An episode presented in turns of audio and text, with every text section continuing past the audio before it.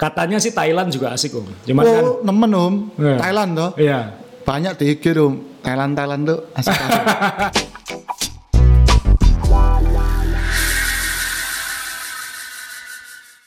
Ya Om Rey, eh, kita episode minggu lalu kan bicara tentang tips traveling, tips touring, bagaimana kalau kita goes bepergian ke tempat lain, tapi dan kita fokus ngomongin eh, asiknya eh, touring di Indonesia. Betul, Jadi eh, episode ini minggu ini akan kita bicara tentang eh, goes ke luar negeri. Jadi ini kan eh, bila minggu lalu kita ngomongin soal Minggu lalu. minggu lalu, Minggu lalu tuh di siarannya ini om. oh, episodenya minggu lalu. Episodenya minggu lalu. Iya. Kita kan cuman selisih berapa hari. Baju aja belum ganti gitu. Ya helmnya juga masih pakai helm merah, Oh ini ya biar sama om. biar konsisten kayak gitu. Konsisten ya. Biar orang nggak bingung sama episodenya. Nyambung. soalnya. Nyambung ya. Ya. Jadi ya ini pengakuan uh, buat uh, pendengar atau yang memperhatikan anda sudah seminggu menunggu episode yang ini, tapi buat kami itu dua jam karena tadi syuting episode 6 makan, sekarang syuting yang ini gitu. Karena kalau nggak makan, Omri nanti helmnya jatuh. Jadi Jatuh sama makanya orangnya. bajunya belum ganti kayak gitu. Jatuh seorangnya namanya. Saat jatuh sama orangnya ya.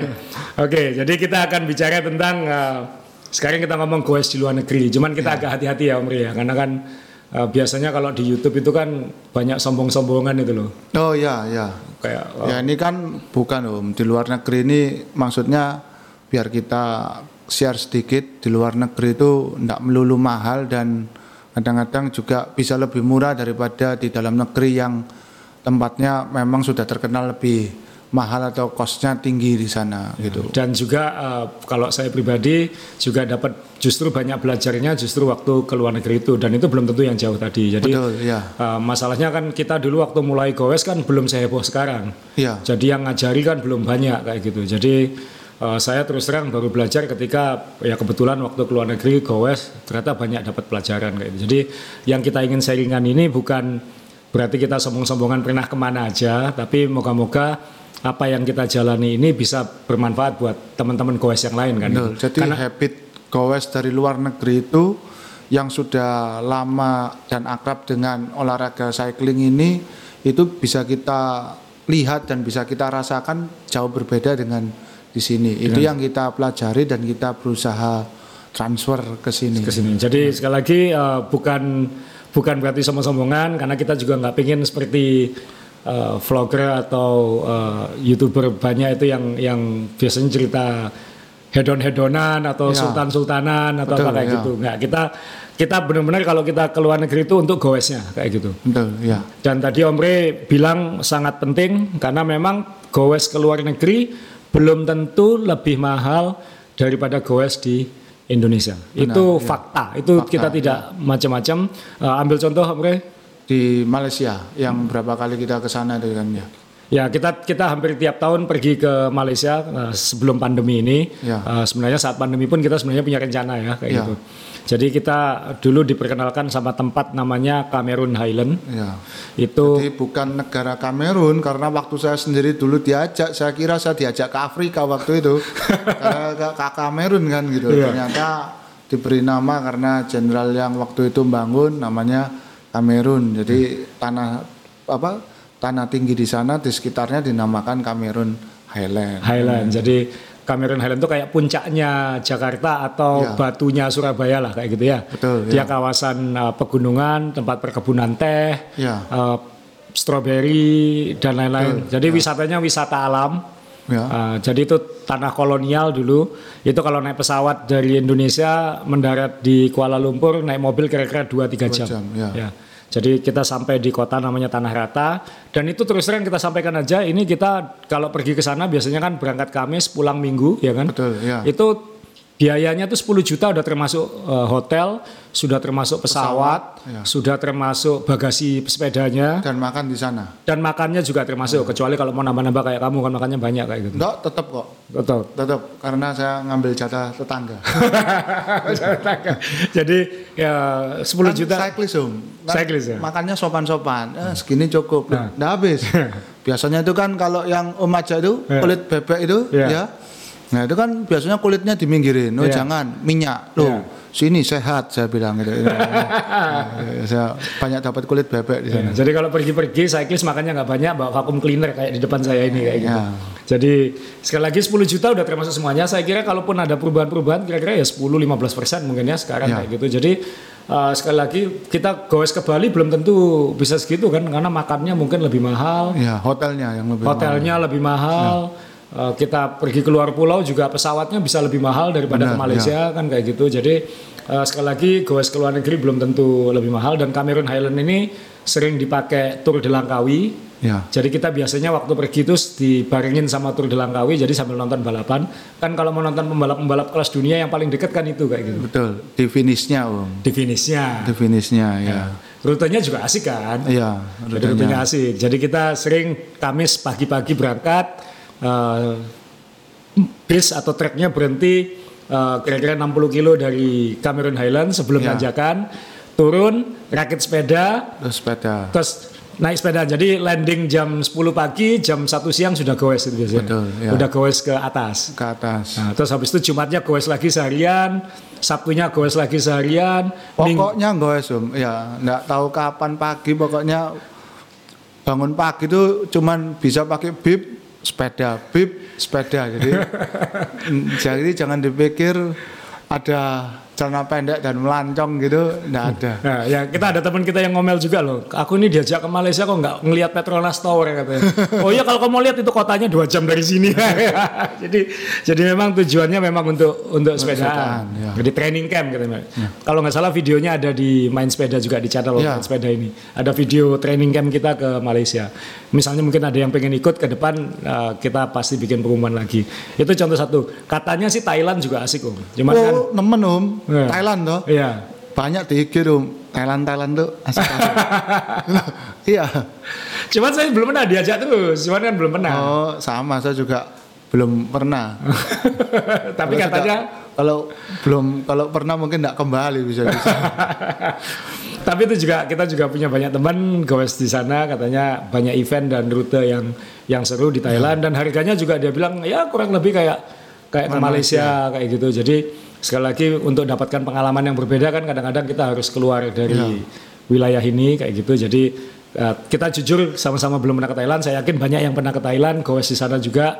Eh, mungkin kapan-kapan bisa sharing juga kayak gitu. Ya, jadi kalau saya bisa nambahkan kalau di Malaysia itu kan adalah training camp itu bagus karena apa? Karena tanjakannya itu sopan. Sopan gimana? Sopan kan derajat naiknya itu cuman sekitar berapa? 4 atau 5 persen? 4-5%, ya. 4-5 persen, tapi panjangnya 80 kilo. Nah ini kan yang nggak ada di Indonesia. Oh ya, jadi untuk latihan endurance climbing ya Iya. gitu. Kalau di Indonesia soalnya kan jalan pintas semua kan itu ya. Betul, ya. Yang seharusnya 80 kilo eh, 5 persenan dibuat 10 kilo 12 persenan. Betul, gitu. ya. Jadi eh, jalannya memang eh, karena itu Inggris yang bangun dulu kan. Jadi Iya. lebih diukur mungkin ya. Ya, jalannya bagus, betonan, Mulus ya. mulus, lebar, Ya. dan derajatnya 4% tapi panjang kan itu. Nah, Jadi- bedanya apa? Mungkin bisa saya cerita sedikit yaitu bedanya eh, kita tuh akan merasa pede di tanjakan itu karena tidak terlalu eh, Curam. tinggi ya, Ya. tidak terlalu curam gradiennya.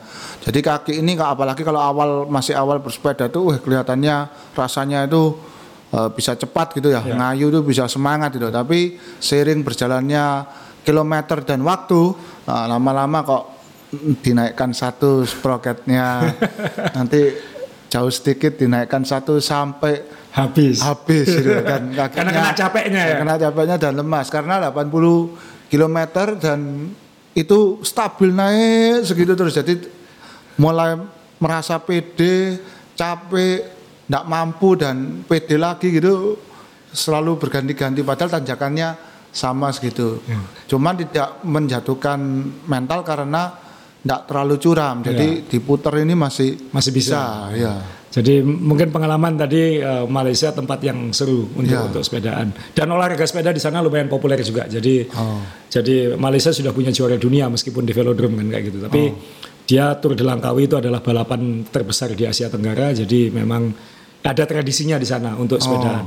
ya. Ya, Thailand kita belum pernah, Singapura kita pernah karena kita pernah diundang komunitas di sana juga. Kita juga pernah bikin event sama komunitas di sana juga. Eh, Singapura memang pengalamannya ya kayak goes di kota besar ya kayak di Jakarta atau di Surabaya. Jadi banyak stop and go-nya kan. Jadi harus lampu sabar. merah.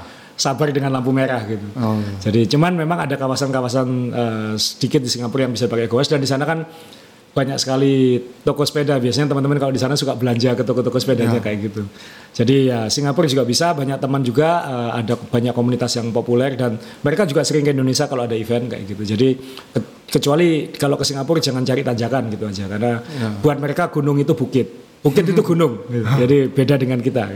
Itu itu yang di yang di sekitar eh, Asia Tenggara. Jadi yang kalau ingin cari pengalaman eh, biayanya mungkin bisa lebih murah daripada goes di Betul. Singapura mungkin lebih mahal, tapi Malaysia dan Thailand mungkin bisa eh, lebih murah daripada ke beberapa tempat di Indonesia. Dan menyesuaikannya itu lebih gampang. Kenapa? Menyesuaikan perut itu. Kan enggak semua orang tuh eh, cocok dengan makanan di luar negeri ya. Ya, Ya, jadi kalau Malaysia dan Thailand ini Sama mungkin ya sama perut kita itu ya akrab lah ya. Maksudnya ya welcome tuh, friendly. Om ini kalau kita ngomongin traveling ke mana-mana pasti yang disinggung makanannya. Duh, karena itu penting kalau nggak bisa makan terus gimana? Tapi perlu dicatatkan di sana di luar negeri seperti Malaysia pun Ya. eh, convenience store seperti Indomaret itu kan tidak mudah didapatkan di sepanjang jalan ya. Oh ya, kayak Cameron Highland tuh 80 kilo ya nggak ada. Nggak ada apa-apa. Nggak ada ya. toko ya. Nggak ya. ada toko. Nggak bisa manja jadi ya. Ya, nggak bisa manja. Mau berhenti pun ya berhenti aja kan. Cuma nggak ada beli es krim, beli apa kan cuma Ya. ada di pom bensin. Yang Ya. ini agak lain ya. Ya. Seperti gini-gini kan itu yang harus belajar sedikit lah apa budaya di tempat kita ingin sepedaan tuh di luar negeri.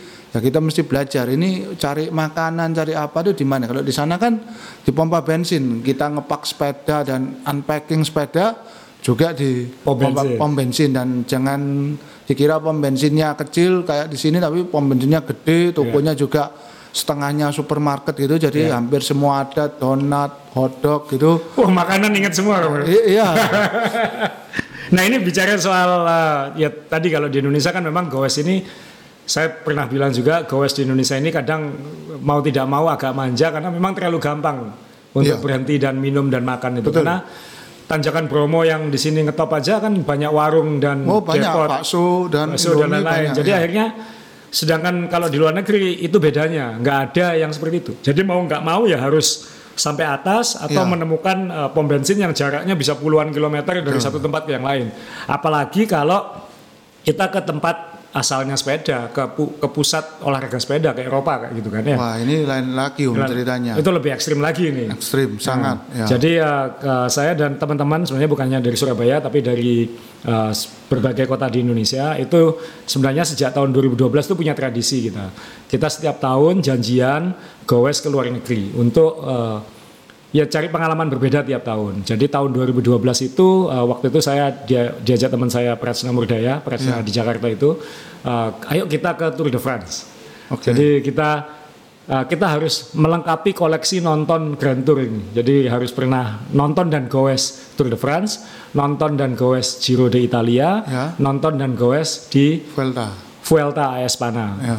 atau ikut event-event terkenal di uh, negara-negara itu Ya. kayak gitu. Nah, tahun 2012 itu ini nggak banyak yang tahu, uh, mungkin nanti kita bisa menampilkan vid- uh, fotonya di acara ini.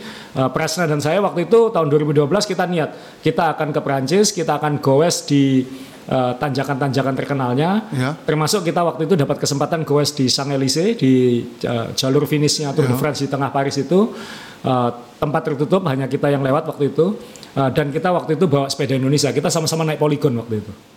Di Jadi situ?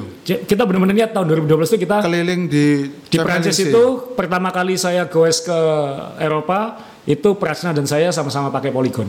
Jadi kita pengen pakai sepeda Indonesia waktu itu. Jadi ad- memang sudah ada keinginan-keinginan seperti itu. Jadi kan membawa sepeda sendiri kan. Iya. Meskipun ada opsi nyewa waktu itu. Oh. Yang jauh lebih sederhana, tapi kita putuskan kita bawa sepeda, Sepeda sendiri dan wa- Polygon waktu Dan itu. waktu itu beli Polygon kita berdua untuk pergi meskipun Helios 900 waktu itu yang yang sudah elektronik dia itu waktu. Oh. itu. Tapi eh, tahun 2012 kita berangkat dan kita itu pertama kali saya merasakan yang namanya tanjakan beneran dalam artian tanjakan curam pertama saya namanya uh, Col de Marie Blanc itu nggak terlalu curam tapi kemudian kita ke namanya Col de Obisque itu yang HC kategori horse kategori.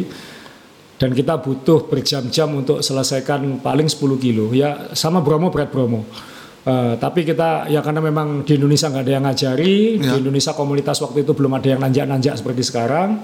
Jadi ya ya kita melek di situ. Uh, guide kita yang ngajarin waktu itu kalau misalnya rest stop dikasih makanan manis-manis sama kacang-kacangan loh kenapa dua ini yang harus dimakan yang manis-manis untuk sekarang energi sekarang yang kacang-kacangan untuk energi nanti itu jadi kayak bakarnya nanti terpisah jadi wah dari situ aja udah belajar Banyak. belajar sesuatu kan bagaimana caranya makan kayak gitu. karena kan tidak ada Ya. minimarket dan lain-lain itu Jauh lebih sederhana dari saya, Om. kenapa Kan nggak mungkin, Mbak, nasi bungkus terus di mana-mana ya kan. Ya, ya. Masa rendang, nasi rendang santan gitu kan nggak mungkin makan gitu. Sunduan ya mungkin ya. dan dan juga eh, waktu itu tantangan utama kita waktu itu panas karena memang suhunya bisa 40 derajat kayak gitu-gitu. Jadi musim panas kan bulan Juli. Di Eropa. di Eropa. Dan panasnya kan kering. Ya. dan kita waktu itu belum pengalaman pakai sunblock segala macam. Jadi kok mandinya perih semua ya ternyata kulit kita terbakar kayak gitu. Jadi memang banyak eh, pengalaman-pengalaman kalau kita keluar negeri itu yang kita keluar dari comfort zone kita kan. Jadi kita nggak bisa semanja itu kita nggak bisa macam-macam jadi harus pengalaman. Nah setelah itu eh, ini kita juga pernah sama-sama ke sana eh, eh, saya pernah Italia itu memang tempat yang paling mengasihkan untuk bersepeda menurut saya. Salah satu yang paling asik untuk bersepeda karena memang eh, apa ya? Memang kultur olahraga, passionnya orang Italia, makanannya, makanan kan kayak gitu. Ya, itu betul. itu memang memang seru. Eh, tahun 2014 sama teman-teman kita nonton dan goes Giro di Italia. Ya, yang Kemudian tahun 2017 waktu eh, Ya, ulang tahun saya itu ya. Om Ray ikut bersama sekitar 24 orang kita dari seluruh Indonesia kita pergi ke Italia, goes ke tanjakan-tanjakan itu. Ya. Jadi enaknya ke sana itu kita bisa merasakan tanjakan-tanjakan yang terkenal itu kan, yang Betul. Itu di daerah apa?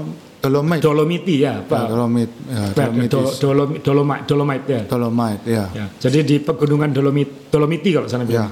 Di pegunungan Dolomiti itu memang itu kawasan UNESCO kan, dilindungi kan. Jadi eh, semua tanjakan-tanjakan mayoritas tanjakan terkenal Giro di Italia ada di kawasan itu. Dan sebenarnya kalau yang suka merek sepeda kayak Pinarello dekat situ. Eh, Dan Treviso. semua istilah gunung itu ya di situ-situ kan, ya Iya. gunungnya. nama-nama gunung-gunung yang kita dengar-dengar itu ya, kan. ya. Mas. Eh, yang Dolomiti itu memang eh, Itali memang beda dengan Prancis. Prancis sebenarnya agak sopan tanjakannya, nggak nggak curam-curam sampai belasan persen nggak ya. Lebih berat daripada yang buatan Inggris atau Amerika, tapi 7 persen, 8 persen, 6 persen itu masih banyak, nggak sampai 10, 12 gitu. Itali memang banyak 10, 12-nya. Ya, apalagi yang tanjakan legend itu, Oh ya. Mortirolo. Mortirolo. Tapi sebelum Mortirolo kita ngomong dulu, kan kita waktu itu ikut event kan ya. Ya. Kita ikut event, jadi kita belajar banyak dari event itu kan. Kita Betul. ikut event namanya uh, Maratona Marana Dolomite ya. Dolomiti. Maratona Dolomiti. Itu event Grand Fondo salah satu yang paling besar terkenal di dunia. Itu pesertanya 10.000 orang. Betul. 10.000 orang dari seluruh dunia. uh, rutenya hanya 140 kilo, nggak banyak kan? 140 kilo nggak banyak. Tapi elevasinya, Tapi nanjak-nanjak terus, hampir uh, 4.500 kalau nggak salah, 4.200. ya, itu yang anda. Saya yang tim Oh, Anda ikut yang separuh jarak ya, ya. KW2. KW2. Jadi memang tidak ada datarnya ya. Iya. Nanjak, turun, nanjak, turun, nanjak. Iya. Kalau yang rute saya tujuh kali, Saya tuh lima kali. lima kali ya. Lima. Jadi ya, dapat tanjakannya lima kali dan tujuh kali dan itu sepanjang jalan itu selalu penuh orang, Penuh sepeda, betul. penuh sepeda. Ingat waktu kita start kan ya? Ya, Jam jam 6 pagi start itu. Pakai pistol kan? ya. Dor, start gitu. Kita masih diem. Ya 10 ribu orang, gimana mau start? Jadi kira-kira hampir satu jam deh kalau kita. Nah, setengah jaman lah ya, setengah Ya, jam setengah lebih jam, dikit lah ya, setengah jam lebih dikit. Jadi kita jalan dikit-dikit, baru akhirnya setelah dor kita setengah jam lebih baru bisa Bisa naik baru bisa sepeda, start, ya. baru bisa naik sepeda. Jadi Dan langsung naik. dan langsung nanjak, ya, langsung nanjak. Jadi memang itu uh, pengalaman yang seru ya, maksudnya. Tapi hebatnya ya, sepenuh itu semuanya tahu cara bersepeda. Itu yang saya salut gitu. Maksudnya tahu dalam taunya itu Benar-benar ngerti dan tahu cara mengendalikan cara sepeda. mengendalikan sepeda, etika bersepeda, dia tidak akan zigzag, Iya. dia tidak akan ganggu sebelahnya. Benar, ya. Ketika nyalip semua pasti bilang on your left, left, left, left atau apa Iya. kayak gitu atau pakai bahasa Italia. Jadi dia akan selalu ngasih tahu kita dia di kiri kita atau di kanan kita. Kalau mau berhenti selalu bilang eh, ngasih kode segala macam. Jadi Ya itu bedanya dengan kita kan. Kita kan kadang-kadang suka semaunya kan kayak gitu. Ya. Maksudnya eh, nggak mikir yang di belakang kita, nggak mikir. Tapi ini 10.000 ribu orang. Jadi kita ngeliat ke depan itu, wih penuh orang. Lihat ke belakang ke bawah, wih penuh orang lagi. Ya. Jadi anda waktu itu gimana? Saya kan lumayan ke depan, Anda kan langsung melorot ke Ya, belakang.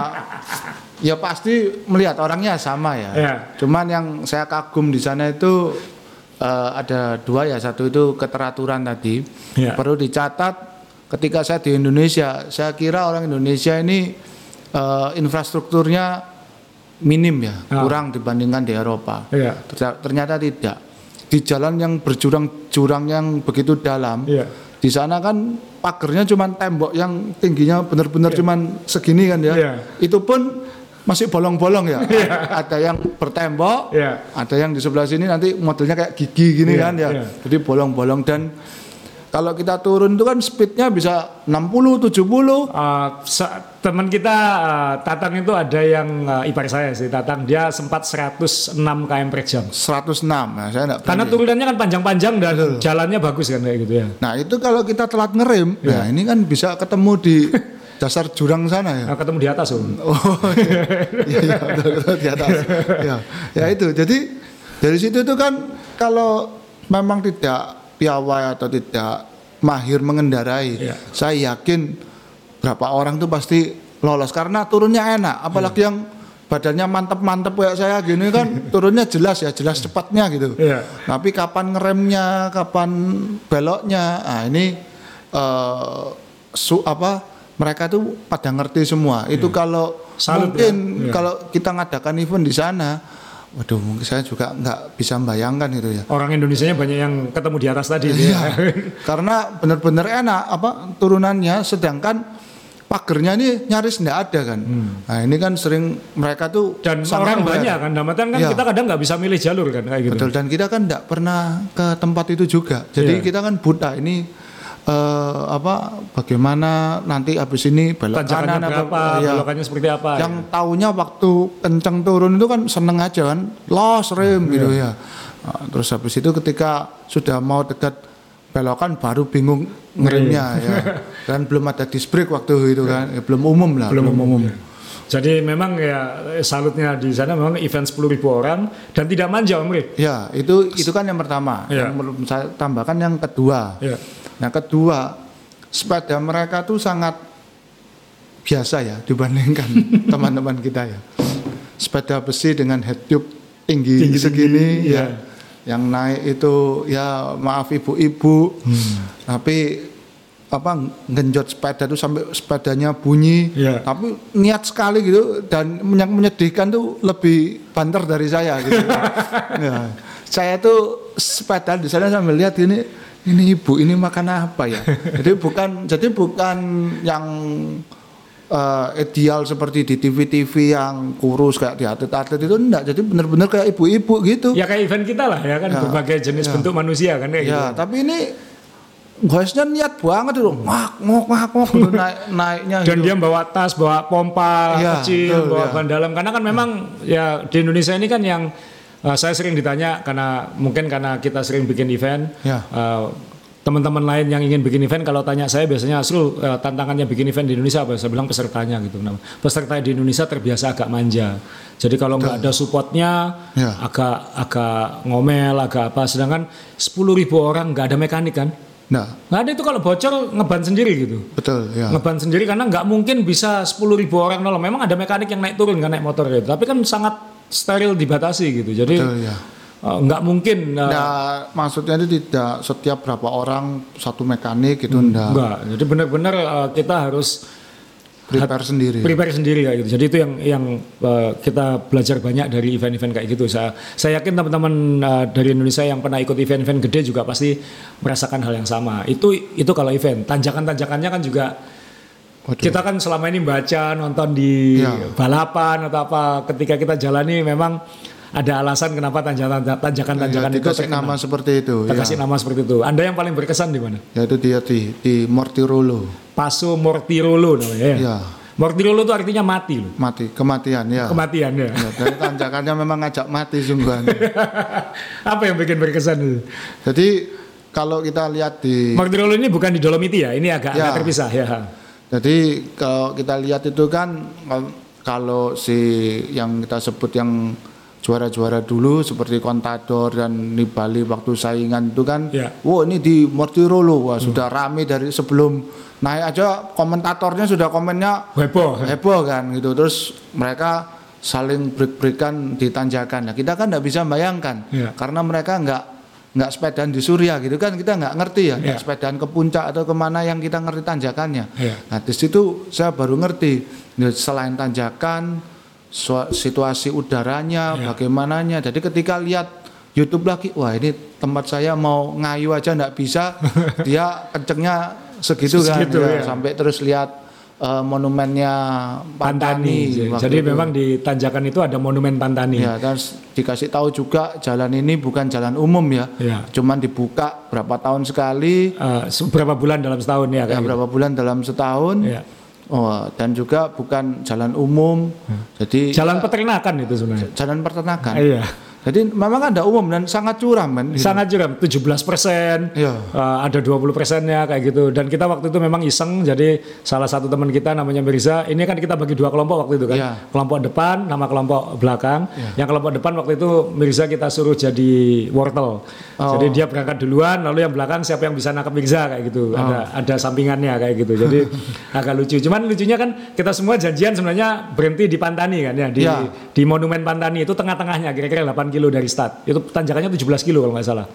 Eh, berhenti di Pantani itu untuk foto bersama sebenarnya kayak gitu. Betul, iya. Kita ada teman lagi satu yang lewat. Jadi teman kita Om Ferry dari Kediri. Oh Ya, ya ya. ya ya ya ya. Jadi eh, mungkin dia pengen ngejar Strava-nya Mortirolo kayak gitu. Jadi jadi Far berhenti lo kok terus gitu ya sudah berarti dia nggak ada foto sama kita di situ kayak gitu jadi eh, kadang-kadang memang ya kalau kita suka nanjak memang semangat ya kayak tapi eh, kan kan kalau disuruh ngulangi lagi kan juga nggak mau kan om Nah, nah, nah. jadi kalau makasih. ya foto cukup di situ aja foto ya kan ya Ya, gitu kan ya. selesai kayak gitu ya jadi ya memang eh, waktu itu kalau saya di Itali namanya Monte Zoncolan Oh ya itu saya ke sana tahun 2014 itu sampai hari ini tanjakan yang paling saya benci. benci sekaligus paling teringat gitu. Jadi kita eh, Monte Zoncolan itu average-nya kalau nggak salah itu 10 kilo panjangnya. Iya. Average-nya kira-kira 12% overall. Tapi 6 kilo di tengahnya itu average-nya 16%, 15,9 atau- average itu. average-nya. Jadi eh, waktu itu kita semua sudah semangat mau Nah, ikut sebentar, itu. saya motong sedikit. Iya. Teman-teman harus mengerti antara tanjakan 12% sama average 12%. Iya. Karena ketika di Italia ini juga saya sangat tertipu dengan data-data teman-teman yang diberikan ke saya. Iya. Karena waktu itu diberitahu bahwa Average average-nya 7%. Wah, waktu itu jalannya agak turun. Saya ngebut sebisa mungkin. Iya. Setelah itu belok kanan dan langsung habis 15. nafas. Habis nafas. Iya. Kenapa? Karena langsung 15%. Nah, Waktu setelah finish saya protes, "Loh, katamu 7%." Lah, kan average. Rata-rata. Jadi 7% ini ya termasuk turunanmu itu juga dihitung. Jadi kalau kamu turun segitu panjang pasti ada yang menutupi turun itu. Jadi maksudnya gradiennya pasti ditutupi untuk rata-ratanya jadi Ya. 7%. Dulu saya juga pernah kayak gitu ada teman yang bilang waktu turunan this is heaven gitu ya habis itu hell di depan saya bilang kayak gitu karena kan di mana ada turunan pasti ada naikan kayak gitu. ya. Jadi memang eh, kita jadi belajar juga kan Ya. bet- betapa pentingnya data Ya. gradien itu gitu. Betul. Jadi nah Monte Zoncolan itu tengah-tengahnya memang kejam. Jadi dan itu memang bukan jalan umum juga. Itu jalan ke jalan ski tapi bukan jalan utama sebenarnya. Itu Oh. jalan jadi kalau jalan utamanya ada masalah, Ya. tim rescue-nya lewat situ. Kira-kira Oh. gitu. Jadi itu memang bukan jalan umum. Ya. Lebarnya nggak terlalu lebar gitu kayak jalan-jalan tanjakan kampung di Indonesia lah kayak gitu. Nah waktu itu kita semua semangat karena kan eh, kita cuma ke hotel kita cuma 2 kilo dari tempat startnya. Jadi goes kita hari itu cuma dari hotel naik ke atas sama turun kayak gitu. Habis itu nonton karena waktu itu balapannya lewat situ gitu. Oke, ya. Jadi wah semangat semangat gitu. Ya habis itu kan tanjakan memisahkan kita semua kan Betul. kayak gitu kan. Jadi Berapa lama? Nah, dua jam lebih. 10 kilo itu. Iya, karena itu sudah hari ke-6 atau hari ke-7 gitu. Kita sudah goes banyak sebelumnya. Jadi penutupnya memang itu. Itu sama kayak jalan dong. Memang sama kayak jalan. Eh, jadi eh, di tengah jadi setelah 2 kilo, 2 kilo pertamanya masih ya kayak Anda tadi. Wah, kayaknya bisa ini gitu kan. Iya. 9 10 persen. Wah, bisa ini. Kemudian KM2 itu ada ada gapura, gapura buatan warga. Oh ya. Itu kalau di Indonesia kan artinya adalah selamat datang di neraka. Oh. Oh, gapuranya gapura ya, graffiti gitu. Jadinya selamat datang di Oh, saya neraka. pernah lihat itu kalau Ya. di anu apa di lomba-lomba. Di- gitu. pasti kelihatan, pasti di syuting ya. Ya. Terus saya bilang sama yang waktu itu yang dekat bilang, "Hmm, siap-siap gitu. Beneran. Yang waktu itu yang teman-teman yang pakai Sprocket 1132 agak senyum-senyum ketawa-ketawa. Kita-kita yang pakai 1128 Ya. ya sudah kayak menuntun maksudnya saya bisa mendengar setiap spoke itu melentur. Jadi setiap kayuhan itu uh, bunyi spoke saya itu kedengaran saking uh, curamnya itu. ya. Dan itu uh, jujur saya sampai berhenti tiga kali karena waktu itu memang banyak orang jalan kaki ke atas jadi tidak bisa zigzag. Ya. Jadi kan ada bagian-bagian yang 22 persen, 23 persen dan itu nonstop. 6 kilo itu enggak nggak ada rest restnya cuma ketika belok itu. Jadi banyak orang itu ketika belokan dia nyandang ke tebing gitu. Nyandang ke tebing kemudian dikayuh Ngayuh lagi. Nah kalau sampai harus turun eh, sebelum tebing, eh, saya sekali karena ada waktu itu ada mobil mau naik, saya terpaksa harus minggir dan harus turun, itu nggak bisa naik lagi. Jadi mau nggak mau harus nuntun Nuntun ke tempat yang agak rata. Eh, ke belokan ya, nuntun ke belokan. Nah waktu itu saya sama Pak Edwin teman di Surabaya juga, Ya. saya nuntun gini, saya lihat Pak Edwin masih di atas sepeda, apa kecepatannya sama dengan saya kayak gitu. kecepatannya empat setengah kilometer per jam. Nah, bus baru kemudian setelah eh, di tebing baru digoes lagi. Jadi eh, curam banget. Baru nanti kurang 2 kilo dari finish, tiba-tiba kaki bisa muter lagi. Oh. Kaki bisa muter lagi bilang, "Wah, masa sudah landai?" ini?" Saya lihat loh, masih 10%. Jadi saking beratnya yang 6 16 6, 6 kilo itu, Ya. ketika 10% itu terasa ringan. Kemudian ke atas 7% masuk terowongan segala macam. Nah, terus kemudian ada teman kita Chun Wei yang dari Singapura itu dia bilang kayak gini, ini tanjakan katanya. "Eh, kamu kalau ditanya zone kolan itu seperti apa? Zone kolan itu seperti ini dia bilang gitu. 15% itu eh, 10% itu datar. Ya. Eh sorry, 12% itu datar. Ya. Eh 15% itu tanjakan. Oke. 12% itu datar, 10% itu turunan gitu. Seperti Anda sepertinya. jadi saking curamnya Ya. kolan, kemiringan 10% itu jadi terasa kayak turunan gitu. Jadi saking leganya kena Saking 10%. leganya, ya. Jadi ya memang itu ngasih pengalaman-pengalaman itu yang saya nggak akan terlupakan betapa bencinya itu gitu. Tapi mau diulangi, Om. Enggak kalau yang itu. Kalau yang Dolomiti saya mau, Stelvio saya mau, Uh, Alp de Huez kita juga pernah ke sana dulu tahun 2015. Uh, Tour de France juga uh, sama beberapa teman juga. Jadi yang kalau teman-teman merasakan di Zwift yang namanya Alpe du Zwift, Ya. ya itu kita pernah nanjaki yang aslinya. Aslinya. Uh, dan itu kayaknya kok gampangan aslinya daripada yang di Zwift. Oh. Rasanya ya, masa ingatan saya sih seperti itu. Cuman mungkin karena kalau indoor kan kita nggak bisa gerak, nggak Ya. bisa menikmati pemandangan kayak gitu. Jadi rasanya sih gampangan aslinya. Meskipun gradiennya mirip-mirip kayak gitu. Maksudnya gradiennya sama kan, Ya. cuman feelingnya kan, feeling itu kan eh, aspalnya lain-lainnya itu rasanya lebih gampang di di aslinya. Nah kemudian kalau kita ngomong tiga Grand Tour, kita sekarang ke Spanyol nih. Ini kan beda. Kalau Prancis sama Italia kan terkenal gunung-gunungnya. Spanyol ini kan ti- gunungnya beda ya. Dia lebih naik turun. Dan kita betul. kita waktu itu ke sana tahun 2016. 2016 Nah, ya. Apa yang paling anda kenang waktu goes ke Spanyol? Spanyol itu agak bedanya gini. Gunungnya itu kita sudah bisa melihat ujungnya dari bawah. Jadi Dan nggak nggak tinggi ya? seperti oh, bukan tidak tinggi, justru lebih mencekam. Kenapa? Kan kelihatan. Jadi seperti di film-film itu kan jalannya begini ya. Iya. Ah, gitu lah. Kita kan dari bawah gitu kan waktu itu lihat ke atas ini. "Eh, Ngapain dia? Masa kita dari bawah disuruh naik ke atas sana gitu. Terus satu teman kita kan bilang, "Ya iya, nanti kita ke atas sana gitu." Ah, masa sih gitu. Terus habis itu setelah kita goes kita lihat yang ada yang masih di bawah. Loh itu tadi kita dari situ kan gitu. Iya. Terus kita lihat lagi yang atas lagi. Aduh, masih masih panjang gitu Masih panjang. dan tiap tingkat itu ada ada isinya dan ada teman yang ini terus di atasnya lagi ada teman yang itu ya cuman kelihatan helm baju helm baju Tapi itu teman kita kan, tapi teman gitu. kita ya itu bisa kelihatan Nah, Sebenarnya kalau lihat ke belakang itu ada yang kesasar, Om. Wah, itu teman kita ada yang kesasar kayak gitu. terus luar biasanya kalau di Spanyol ini kan pengendara mobilnya itu takut sama orang sepedaan Antara takut dan sopan sebenarnya. Mereka Ya. sudah terbiasa lihat orang naik sepeda ya, Ya, gitu. dan hukumnya kan juga jelas ya di sana ya. Ya.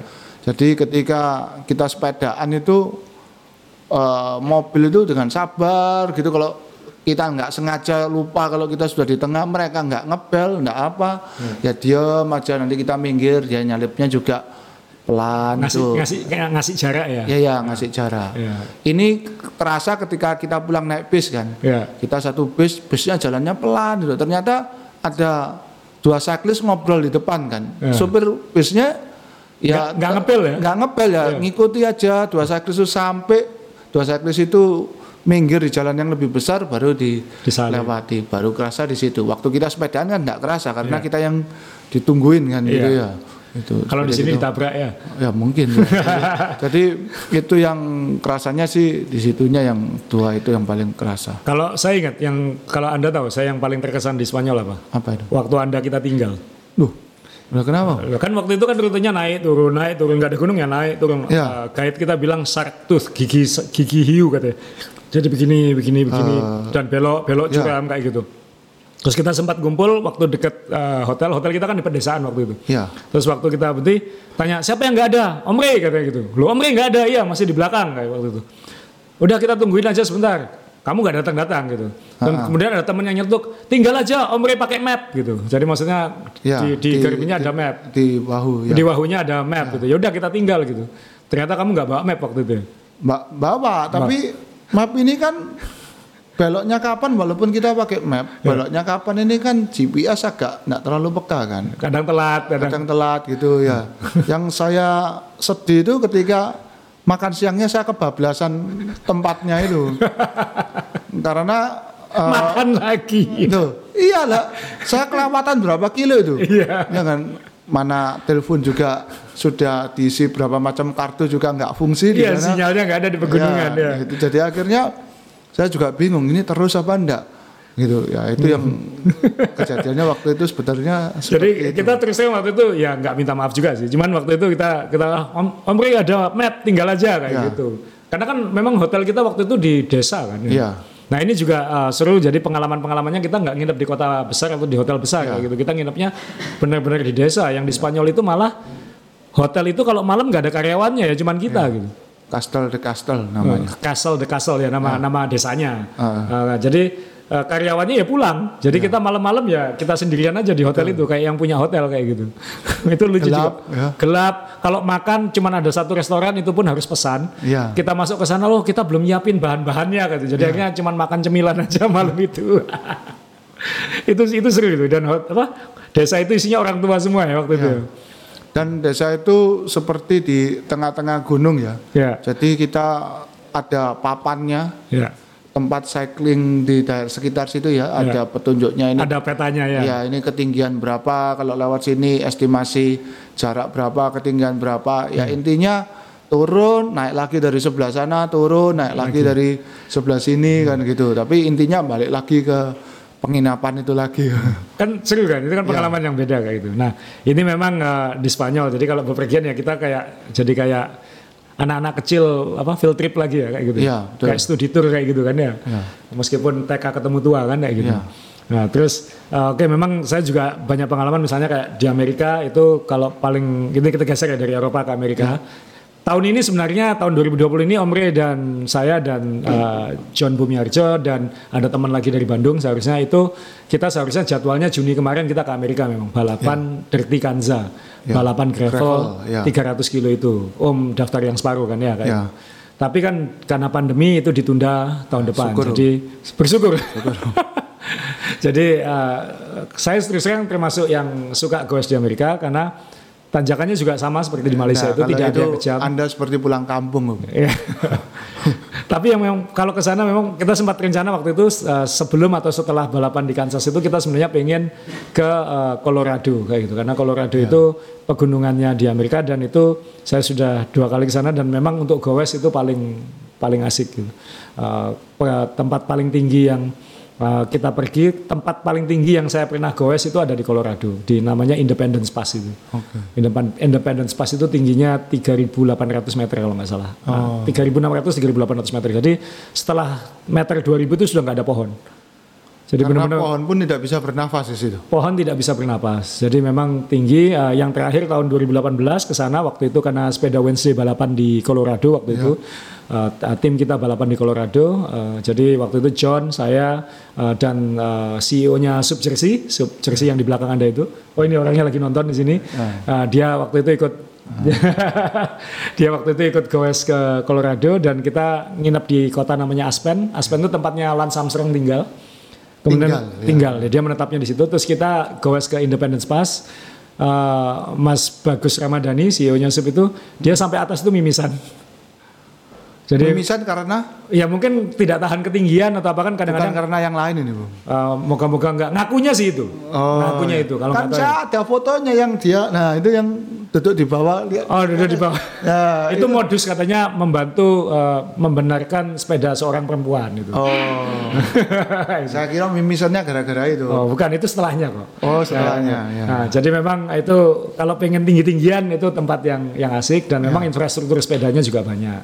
Uh, kemudian yang uh, Australia juga tentunya seru. Uh, Australia ini kan gila sepeda sebenarnya kayak gitu. Ya. Uh, dan kalau yang dari Banyak Indonesia atlet dari sana. ya. banyak atlet dari sana. Uh, Adelaide itu tempat yang baik untuk dikunjungi untuk sepedaan, apalagi kalau pas Januari karena ada Tour Down Under. Ya. Uh, Tour Down Under. Kap- Kapan lagi ketemu uh, pembalap-pembalap paling top, Peter Sagan segala macam ya di Adelaide.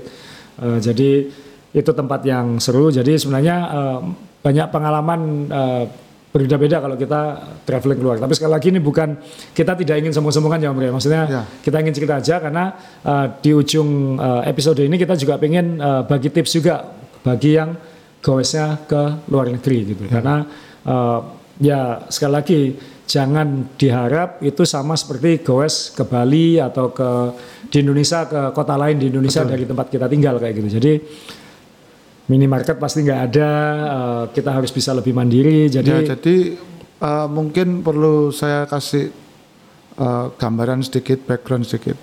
Mungkin kita kira di sana itu eh, infrastrukturnya lebih bagus, memang iya. memang iya, Tapi bagaimana kita dalam tanda kutip dimanjakan, ya. itu jauh lebih enak di negara sendiri nih. Manja, anu yang dimanjakannya beda kan ya. Ya, jadi misalnya kita perlu apa-apa, Ya. itu kan banyak ya di Indonesia ini ada guide dadakan, Ya. ada orang yang bersedia mengantarkan, Ya. mobil yang setiap waktu bisa menjemput, Ya. itu sangat mudah didapatkan. Sedangkan kalau di luar negeri ini kan semuanya harus terplanning betul, detail, baru kita bisa eh, mendapatkan apa yang kita mau. Contoh aja balik lagi ke makan ya. Ya. Kalau kita sepedaan di sana, kita kan waktu itu guide-nya kan benar-betul nentukan. Ini tempat makannya di sini. Di sini ya. Menunya apa? Waktu itu kan kita kaget. Menunya cuma ada hamburger, hotdog, atau spaghetti. Sudah pilihannya itu aja. Ya. Nah kalau di sini kan enggak, oh enggak suka ini, kita bikinkan apa orangnya masih mau ya. Kalau di sana kan enggak, ya sudah menunya Ini. adanya ini gitu. Nggak bisa milih. Bayangkan kita tuh harus sepeda, capek, makannya cuma roti satu lonjor sama sosis satu. Nah ini makanannya orang sana memang kan gitu ya. Itu penting masih ada daging. Kadang-kadang cuma dikasih makanan kelinci gitu. Adanya salad, Iya, iya. salad, biji-bijian, Iya. kacang-kacangan kayak gitu. Sambil dia bilang ini sehat kan. Ini gitu. sehat kayak gitu. Eh, jadi ya memang eh, eh, pasti beda. Pasti man- kalau di sini kita dimanjakan fasilitas, kalau di sana dimanjakan bersepedanya. Iya. Dimanjakan bersepeda itu dalam artian jalannya bagus, Iya. eh, rutenya bagus, eh, kemudian memang dipikirkan untuk sepeda, dipikirkan itu dalam artian eh, apa namanya eh, keloknya itu beloknya enak. Kalau itu jalur khusus sepeda, ada tempat untuk ngisi air, ada Iya. tempat untuk pompa kadang-kadang kayak gitu. Jadi eh, dipik- dimanjakan eh, bersepedanya. Kalau di Indonesia kan bisa dimanjakan supaya lebih nyaman kan kayak gitu. Betul, ya. Di samping banyak minimarket, kadang-kadang nanjak kalau di kayak kita pas di luar negeri kan sudah nggak ada pilihan. Kalau misalnya nggak kuat ya mau nggak mau ya nonton menunggu siapa lagi, nggak ada Ya. nggak ada kendaraan, nggak ada apa-apa kayak gitu. Dan Kalau di sini kan ada ojek um kayak gitu. ya jaraknya ini kita bisa ndak ketemu manusia ini bisa 20 kilo, Ya. ndak ketemu orang kan gitu. Ya. Ndak ketemu mobil, Nggak ketemu ketemu, orang. orang. Jadi ya para apa Gojek dan anu itu eh, orang-orang yang Nggak ada sinyal. yang nggak ada sinyal, yang mau bantu juga ndak ada, yang dinunutu juga ndak ada. gitu. Iya. Jadi dan kalaupun ada belum tentu mau bantu kita karena bahasanya kan juga nggak ngerti, Nggak ngerti. belum tentu mau berhenti lah. Jadi sangat repot lah di sana. Jadi poin pertamanya adalah kalau memang pengen goes ke luar negeri, pengen benar-benar cycling, yang nomor satu ada memang harus bisa mandiri, itu kan ya. Betul, ya. Harus bisa mandiri itu minimal ya tadi kita ulangi yang episode minggu lalu harus bisa packing sepeda, Ya. Betul. harus bisa unpacking sepeda, Ya. harus bisa membetulin hal-hal kecil-kecil sendiri. Yang kecil-kecil itu ban bocor, Ya. misalnya rantainya lepas, atau mungkin nyetel-nyetel uh, grup setnya atau apa itu Ya. uh, sebisa mungkin bisa handle sendiri karena belum tentu ada yang bisa nolong. Benar. Kalau misalnya dalam kelompok pun belum tentu kelompoknya itu bersama kita kan kayak gitu kan. Ya. Bisa di depan atau bisa di belakang kayak gitu. Dan Jadi untuk catatan, backshop di sana rate-nya itu tidak sama dengan di sini, sangat mahal. sangat mahal kan. Ya. Saya pernah di sana itu eh, bantu orang benerin rem itu, rem Ya. kaliper itu cuma Kaliper. miring gini. Ya. Itu dia keluar dari toko padahal ya itu waktu itu di Jerman. Ya. Terus saya tak ditanya, bisa minta tolong betulkan ini. Hmm. Kenapa? Karena saya di cas eh, 15 euro cuman untuk ini aja Hmm. gitu. Nah, 15 euro itu kan berapa ratus ribu ya. Iya. Cuman untuk ngencengin rem yang miring itu. Padahal cuma diginiin aja kadang Iya, terus kayak gitu waktu ya. itu dia enggak bawa tool saya bilang ini nanti longgarkan, Iya. nanti diseretkan. Oh ya, makasih dia bilang gitu. Jadi memang mahal. Memang mahal kalau di Amerika tuh servis sepeda biasa. Servis itu cuman ngecek sama ngasih minyak di eh, rantai itu bisa 50 dolar. Kalau servis total kayak kita misalnya suka semuanya harus dibersihin mulai dari BB, bearing segala Ya. macam itu 200 dolar memang. Jadi memang mahal sekali. Jadi Ya. memang eh, konyol kan kalau misalnya hanya ke toko sepeda hanya untuk ngerakitkan Ya. lalu kena cas 50 euro atau 75 dolar atau apa kayak gitu. Kalau saya mending saya konversikan ke burger. Oh, makanan lagi Iya, ya, gitu iya. ya. Ya makan enak ya. ya. Iya. Nah, kan keluar negeri makannya kan beda kayak gitu ya.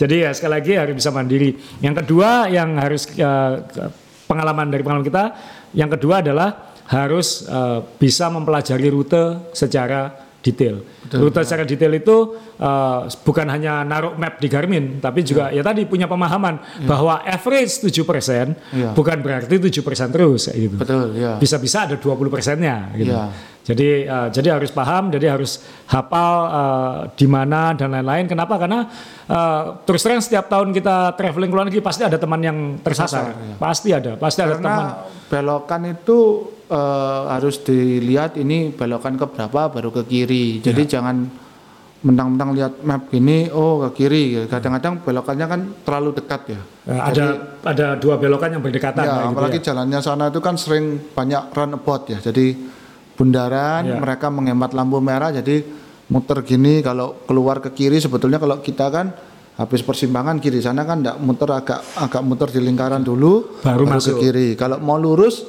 dua kali baru, Baru. lurus. Nah, itu kan sering kali orang sana sudah terbiasa dengan when you run about uh, turn the second turn uh, baru, Baru belok. Ah, Jadi itu harus harus uh, dipelajari. Jangan jangan jangan bangun lalu dianggap tinggal berangkat ya. Benar-benar harus karena kadang-kadang ya tadi uh, mungkin ada guide atau apa, ada teman, tapi kan Iya. belum tentu bersamaan kayak gitu. betul. ya. Biasanya yang paling berisiko kalau kita pergi biasanya kalau pergi 15-20 orang itu kelompok tengah yang susah. Karena kelompok depan pasti ada yang nemeni, Ya. Nemeni. kelompok belakang pasti ada yang ngawal. Benar. Yang tengah ini kadang-kadang no man's land. Dia nggak kuat untuk ikut yang depan tapi terlalu cepat untuk yang belakang. Ini biasanya yang banyak yang hilang gitu. Ya. Hilang sesaat. Ya, saya per- saya pernah waktu itu eh, di Italia juga kita seharusnya naik ke Passo Ghiau. Pernah ke Passo Ghiau kan kita. Ya. Passo Ghiau itu kayak Bromo kan sebenarnya Ya. tanjakannya. Nah, waktu itu jalannya adalah lurus, nanti ada belokan ke kiri itu ke Passo Ghiau. Oke. Nah, teman kita ini lurus, Enggak belok. nggak belok karena dia nggak pas dia nggak mungkin karena fokus ke aspal atau apa dia nggak ngeliat tulisan beloknya itu kadang tulisannya kan nggak jelas kayak gitu. Betul. Tak dia lurus gitu, lurus dan memang nanjak dipikir oh ini sudah Ghiau gitu. Ya. Tapi terus dia bilang kok nggak ketemu siapa-siapa ya, nggak ada yang saya kejar dan nggak ada yang ngejar saya, dia bilang kayak Ya. gitu. Kemudian kan seharusnya Passo Ghiau itu 2.200 meter elevasinya. Ketinggiannya. Dia 1.700 kok sudah turun ya kayak gitu. Wah ini pasti salah ini dia bilang kayak gitu. Akhirnya dia berhenti ke pom bensin, nemu pom bensin di turunan itu, minggir, mencoba nelpon, nggak bisa karena kan di ada pegunungan. Eh, nggak ada yang nggak ada yang bisa ditelepon. Kebetulan untung ada teman kita yang fotografer itu yang bisa ditelepon waktu itu. Baru kemudian ditahu karena kita nyari ini orang di mana kok nggak datang datang kayak gitu. Kan kasihan hati-hati ini jangan-jangan di Makan di- macan. dimakan macan. Nggak ada macan di Italia. Tapi yang jelas dia waktu turun dan untungnya waktu itu pakai Garmin ya. Jadi guide kita bilang "Eh, tolong lihat koordinatmu di Garmin berapa gitu. Jadi ya, sekali lagi harus apa lama gadget. Dia dia buka gadgetnya dia lihat eh, koordinatnya berapa dikasih tahu lalu guide kita eh, masukkan koordinat itu di mobil di GPS mobil baru dicari waktu itu. Untung ketemu. Kalau enggak kan ya lucu juga gitu. Apalagi waktu itu dingin sekali waktu itu. Jadi sekali lagi harus eh, harus hafal dengan rute dan lain-lain gitu kan. Waktu kita ninggal kamu di Spanyol kan kita berasumsi kamu punya map kayak gitu. Jadi Betul, ya. Dan memang bisa nyari jalannya, tapi ya tetap lama. tetap lama. Yang penting kamu bisa sampai hotel kok. Buktinya kamu masih ada di sini kan jadi aman kan ya. Ya, Jadi kembali, kembali. sejak saat itu kita tidak khawatir kamu ketinggalan kayak gitu. Ya, bisa kok. Dan kadang-kadang saking seringnya kejadian seperti itu, ketika misalnya guide kita tiba-tiba ngebut ke depan bilang ada yang hilang, ada yang hilang, kita yang di depan bilang gini, ayo taruhan siapa yang hilang kayak gitu. jadi apa namanya? Eh, ketika nanti siapa yang hilang ini, wah dia jadi bahan ketawaan ya itu. Padahal kalau dipikir-pikir bahaya juga dia hilang di pegunungan kan kayak gitu. Nah itu itu yang berikutnya. Yang ketiga tadi eh, seperti Om Rey yang selalu ingatkan soal makan kan, soal supply. Iya. Karena memang tidak ada minimarket gitu. Maksudnya tidak ada toko kelontong, tidak ada minimarket, bener-bener kalau mau makan ya makan daun kan kayak gitu Iya. ya. Bukan itu aja kan di luar negeri ini makanannya kan beda sama kita. Seperti Anda tadi ngomong, Iya. seperti disuruh jadi kambing gitu ya. Iya. Jadi makanannya daun-daunan. Waktu pertama kali kita ke Spanyol itu kan darat di eh, Belanda dulu itu. Iya. Di airportnya kan lihat sandwich, oh sandwich pengen beli ya. Iya. Kapan lagi makan sandwich? Iya. Itu ternyata selama dua minggu itu ya makannya ya roti sama godong itu terus ya, ya, ya. jadi akhirnya lihat sandwich itu mau muntah rasanya bosen gitu ya Jadi karena kita tinggalnya di desa waktu itu ya, mau mau makan telur Iya. telur model apa aja nggak bisa ada tiap hari telur rebus. Iya, betul. Adanya hanya itu kayak gitu. Jadi ya memang harus harus membiasakan diri. Jadi daerah di tempat kita bersepeda itu jangan dikira seperti walaupun negaranya maju, jangan dikira makanannya itu. Berlimpah, ya. berlimpah dan lengkap seperti kota besar gitu. Ternyata yang kita datangi itu desanya desanya sono gitu ya kan gitu. Jadi makanannya ya sangat tradisionalnya tempat itu. Iya. Jadi- Mungkin mungkin kita lihat gini, "Duh, ini makanan loh, kok cuma kacang terus daging sudah itu Iya. tok gitu ya. Sama teman kita bilang kan, "Trek, aku pikir ikut goes sama kalian ke Italia itu lihat menara Pisa, Iya. lihat anu apa? Kolesium. lihat kolosium kan Iya. ya. Kok nggak ketemu sama sekali ya? Kok lihat gunung terus katanya gitu. Jadi ya memang beda kita kalau goes bukan ke tempat-tempat seperti itu, itu. iya. Jadi ya kita benar-benar ke gunungnya dan kalau goes memang eh, pastikan makanan yang kita bawa misalnya apakah itu bar, apakah itu gel, apakah itu cemilan-cemilan di kantong ini Cukup. cukup gitu karena belum tentu ketemu tempat ngisi makan gitu kayak Ya. misalnya sering sekali baik itu di Amerika di atau di Eropa kita sampai puncak tanjakan ya nggak ada apa-apa Benar, yang kita ya. makan ya apa yang ada di kantong kita itu aja gitu Benar, ya. jadi ya ya ya itulah realitanya cycling kan yang Ya. yang yang benar gitu jadi ya harus selalu siap eh, dalam eh, segala situasi jangan sampai kehabisan minum kehabisan makan harus benar-benar bisa menghitung kayak gitu nah terus yang yang terakhir ini bukan terakhir mungkin nanti ada tambahan lagi eh, yang keempat adalah soal cuaca Wah, ini, nah ini sangat penting, Om. di Indonesia ini kan hanya panas dan panas dan hujan kira-kira kayak gitu Panas dan tidak panas gitu. panas dan nggak Eh, panas Hujan dan tidak hujan. ya. hujan dan nggak hujan. Nah, panasnya kan kurang lebih terus kayak Ya. gitu. Nah kalau di luar negeri kan kadang-kadang kita harus siap dengan panas yang sangat ekstrim, Betul. juga dengan dingin yang, Yang sangat ekstrim. ekstrim. Waktu kita di Spanyol kan kepanasan Ya, luar kering, biasa. ya. Tapi ketika di Italia kan kedinginan. gitu. Betul, ya. Jadi eh, dan itu akhirnya kita belajar lagi gitu. Kalau tadi sudah belajar soal makan, belajar soal eh, rute, belajar soal eh, teknik kemiringan dan lain-lain, ini belajar ada alasan kenapa baju sepeda itu macam-macam ternyata kayak gitu. Benar, ya. Kenapa kalau kita lihat di internet atau di online kok ada yang namanya climber jersey, ada yang namanya summer jersey, ada base layer yang kayak gini, Ya. ada jaket, wind jacket, rain jacket, race cape. Wah, kalau di Indonesia kan Thermal thermal jacket. thermal jacket. uh, wah, kalau di Indonesia kan buat apa ini semua kayak gitu kan? Ya. Kita pasti kepanasan terus di sini. Ngapain punya jaket kecuali turun dari Bromo aja. Kita di sini cuma pakai jaket kalau turun dari Bromo kan kayak gitu. Betul, ya. Kalau dari yang lain kan enggak gitu. Nah, ternyata kalau di luar negeri kita belajar memang sangat penting dan tiap jenis itu ada gunanya. Kalau suhunya sekian pakai yang ini, kalau suhu sekian pakai yang ini. Jadi memang oh memang begini ya kayak gitu. Jadi jadi belajar lagi hal yang baru. Dan memang juga ada belajar emergency emergensinya saya waktu itu. Waktu tahun 2014 kita ke Italia itu sama teman-teman. Itu kena kita kena tanjakan-tanjakan selalu di 4 derajat Celcius dan sering salju. Oke. kebetulan cuacanya lagi lagi jelek kayak gitu. Jadi karena kita semua pakai sarung tangan panjang itu aja masih nggak nggak tahan. Eh, guide kita sampai ke apotek beli sarung tangan silikon itu loh yang untuk Iya. operasi itu. Jadi kita semua dipakai sarung tangan silikon itu baru Pakai dipakai sarung glove nah itu baru sangat menolong. Jadi tangan kita baru bisa ngerem dan pindah kiri segala macam. Terus ketika jaket kita itu nggak cukup eh, kita waktu itu pakai koran. Koran atau majalah dimasukkan di di dalam Dada, baju. iya. Jadi untuk nahan angin supaya nggak ke ke dada. Jadi banyak trik-trik itu kita pelajari justru ketika goes cuaca ekstrim itu. Tapi waktu itu yang kelupaan satu, Apa itu? jaket sudah, ditutupi dilindungi sudah, Ya. penutup telinga sudah, sarung tangan silikon sudah, satu tetap nggak sama. Bibnya tetap bib biasa gitu. Waduh, Bukan bib thermal. Jadi yang lainnya anget, bagian selangkangannya kedinginan luar biasa waktu itu. isut om ya. jadi jadi apa namanya dan gara-gara itu ada teman kita yang waktu pulang langsung beli thermal bib shot. Loh kamu kan belum tentu balik ke sini lagi. Just in case nanti kalau ke mana-mana kedinginan katanya dia akhirnya beli beli bib shot yang memang untuk cuaca dingin itu. Jadi buat gambaran yang saya kapan hari 2017 itu ya ke Itali, Em, suhunya itu sangat ekstrim.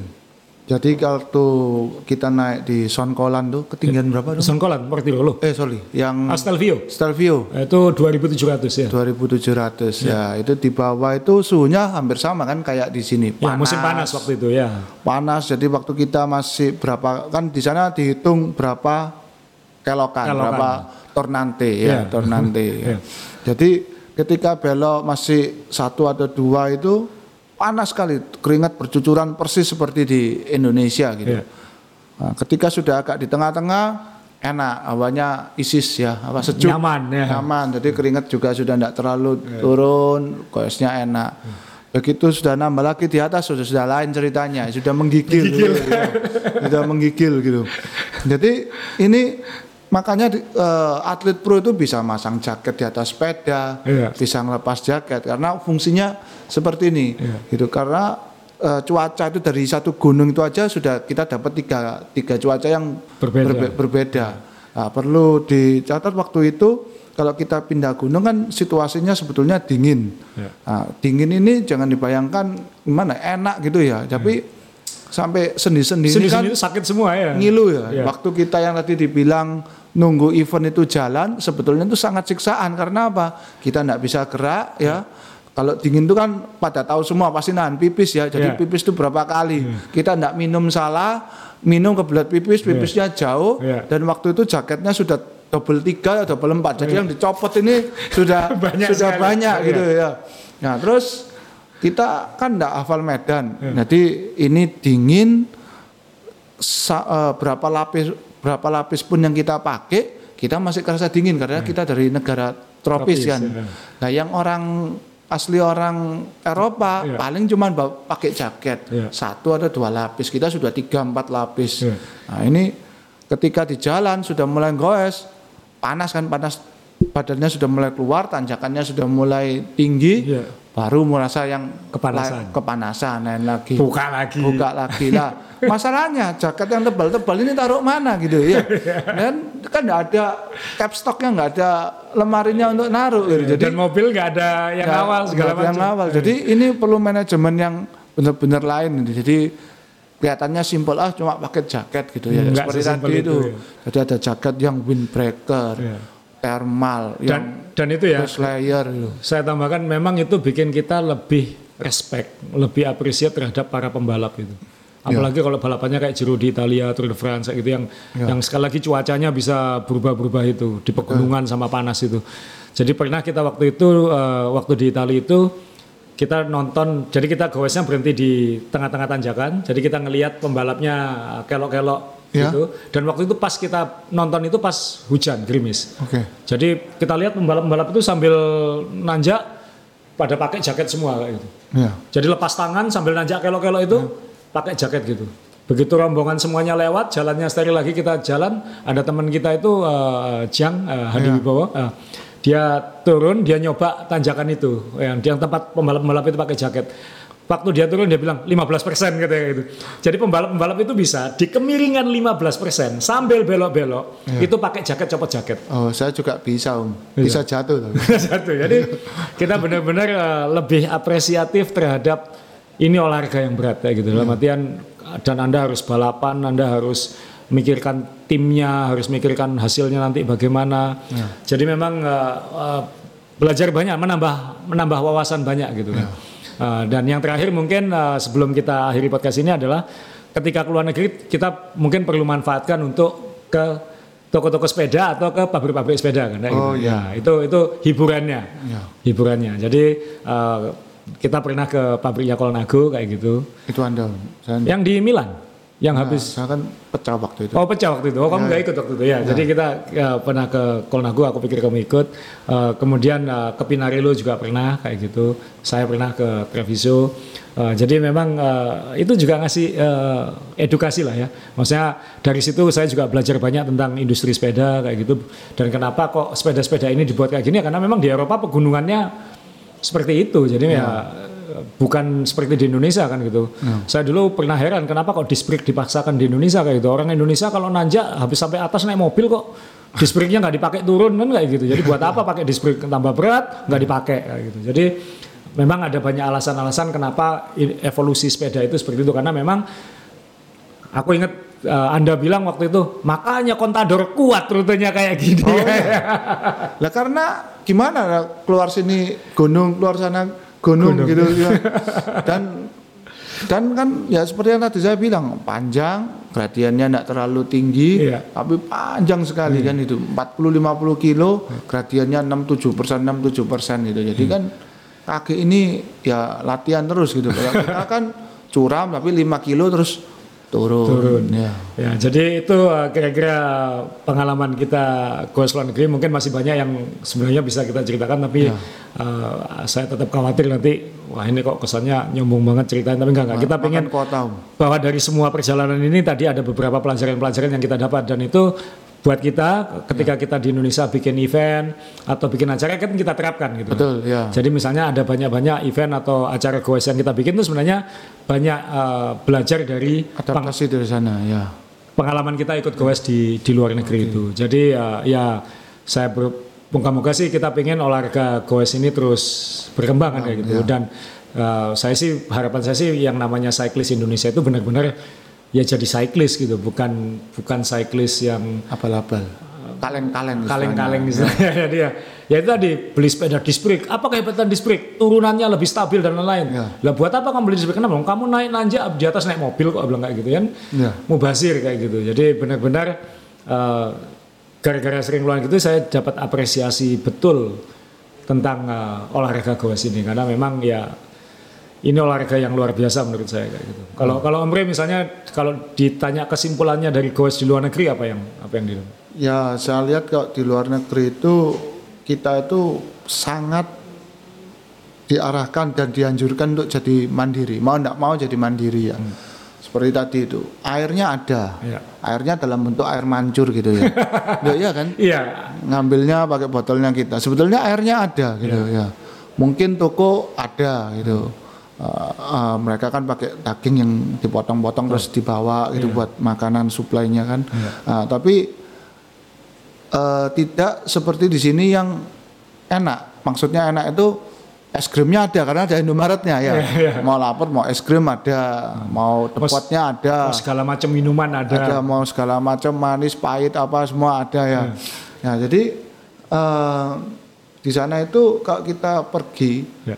nilai adventure-nya jauh lebih tinggi, Jauh lebih tinggi. dari sini. Karena memang di sana mungkin orangnya eh, lebih mandiri juga tidak tidak biasa mensupport pesepeda itu dengan gimmick-gimmick dengan dikawal mobil atau dikawal sepeda motor tidak umum di sana gitu. Jadi kan semua itu ketika bersepeda ya sudah seperti tadi yang anda bilang ya pergi ya sudah pergi ya nanti sampai kembali ya kamu sendirian kan begitu kan sering kita lihat waktu di Spanyol itu yang gowes sendiri Iya. yang gowesnya cuman berdua bertiga tapi ya tetap gowesnya itu kita tahu ketika kita ketemu dia ini jaraknya dia ke kota ini kan sudah 50-40 kilometer antara sana dan sini sama-sama jauhnya kan Iya. gitu ya jadi ya dia sendirian ya pasti untuk 50 km paling enggak. Kusuk ya, goes ya? Kusuk, iya, Kusuk goes ya, ya. Dan kita tahu 50 kilometernya masih naik turun naik, turun, gitu. Jadi benar-benar bukan olahraga yang manja lah gitu ya. Jadi ya uh, terima kasih mau bersabar mendengarkan kita cerita tentang ini tapi uh, uh, kita berharap ini ngasih pelajaran bahwa uh, goes goes itu yang utama memang pengalaman bersepedanya ini yang yang Iya.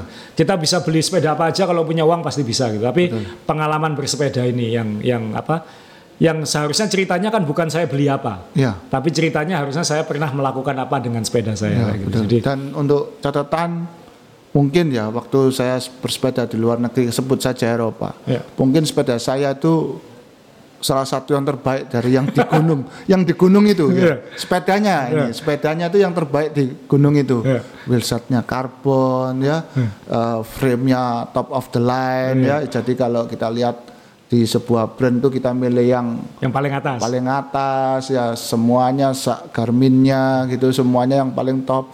Nah, saya lihat di sana itu frame-nya banyak yang masih frame besi, frame alloy, tapi kakinya itu dan cara goesnya itu benar-benar eh, profesional ya. Maksudnya benar-benar mereka itu teknik tinggi ya? tekniknya tinggi gitu. Jadi tidak bergantung sama toolsnya ini ya. Kadang-kadang alatnya itu masih ya kalau di sini mungkin kayak KTY gitu ya mungkin ya, Ya, cat eye cat eye biasa Ya, itu ya. ya, kayak kayak cat eye gitu. Jadi tidak se mewah kita lah gitu ya. walaupun kita itu dibilang sepedanya biasa tapi kan di sana itu lebih biasa lagi Iya, sepedanya kan gitu loh. Jadi ya di situ saya baru mengerti ya di luar negeri negara maju tapi sepedanya masih bagus sepeda saya gitu ya jadi eh, bukan berarti sepedanya bagus itu kita bisa eh, apa mengarungi tanjakan-tanjakan itu dengan lebih Ya. enak juga. Ya. Jadi ya terima kasih. Eh, Ini episode ketujuh nggak terasa sudah tujuh episode.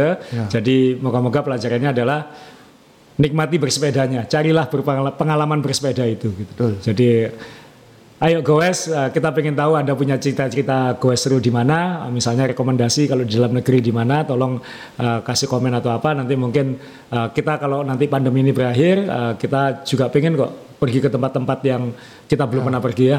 Dan pandemi ini bikin kita lebih mikir ya banyak bucket list kita yang pengen kita kunjungi kayak ya. gitu. Jadi ya terima kasih, Uh, thank you Om. Uh, kita ketemu di episode berikutnya.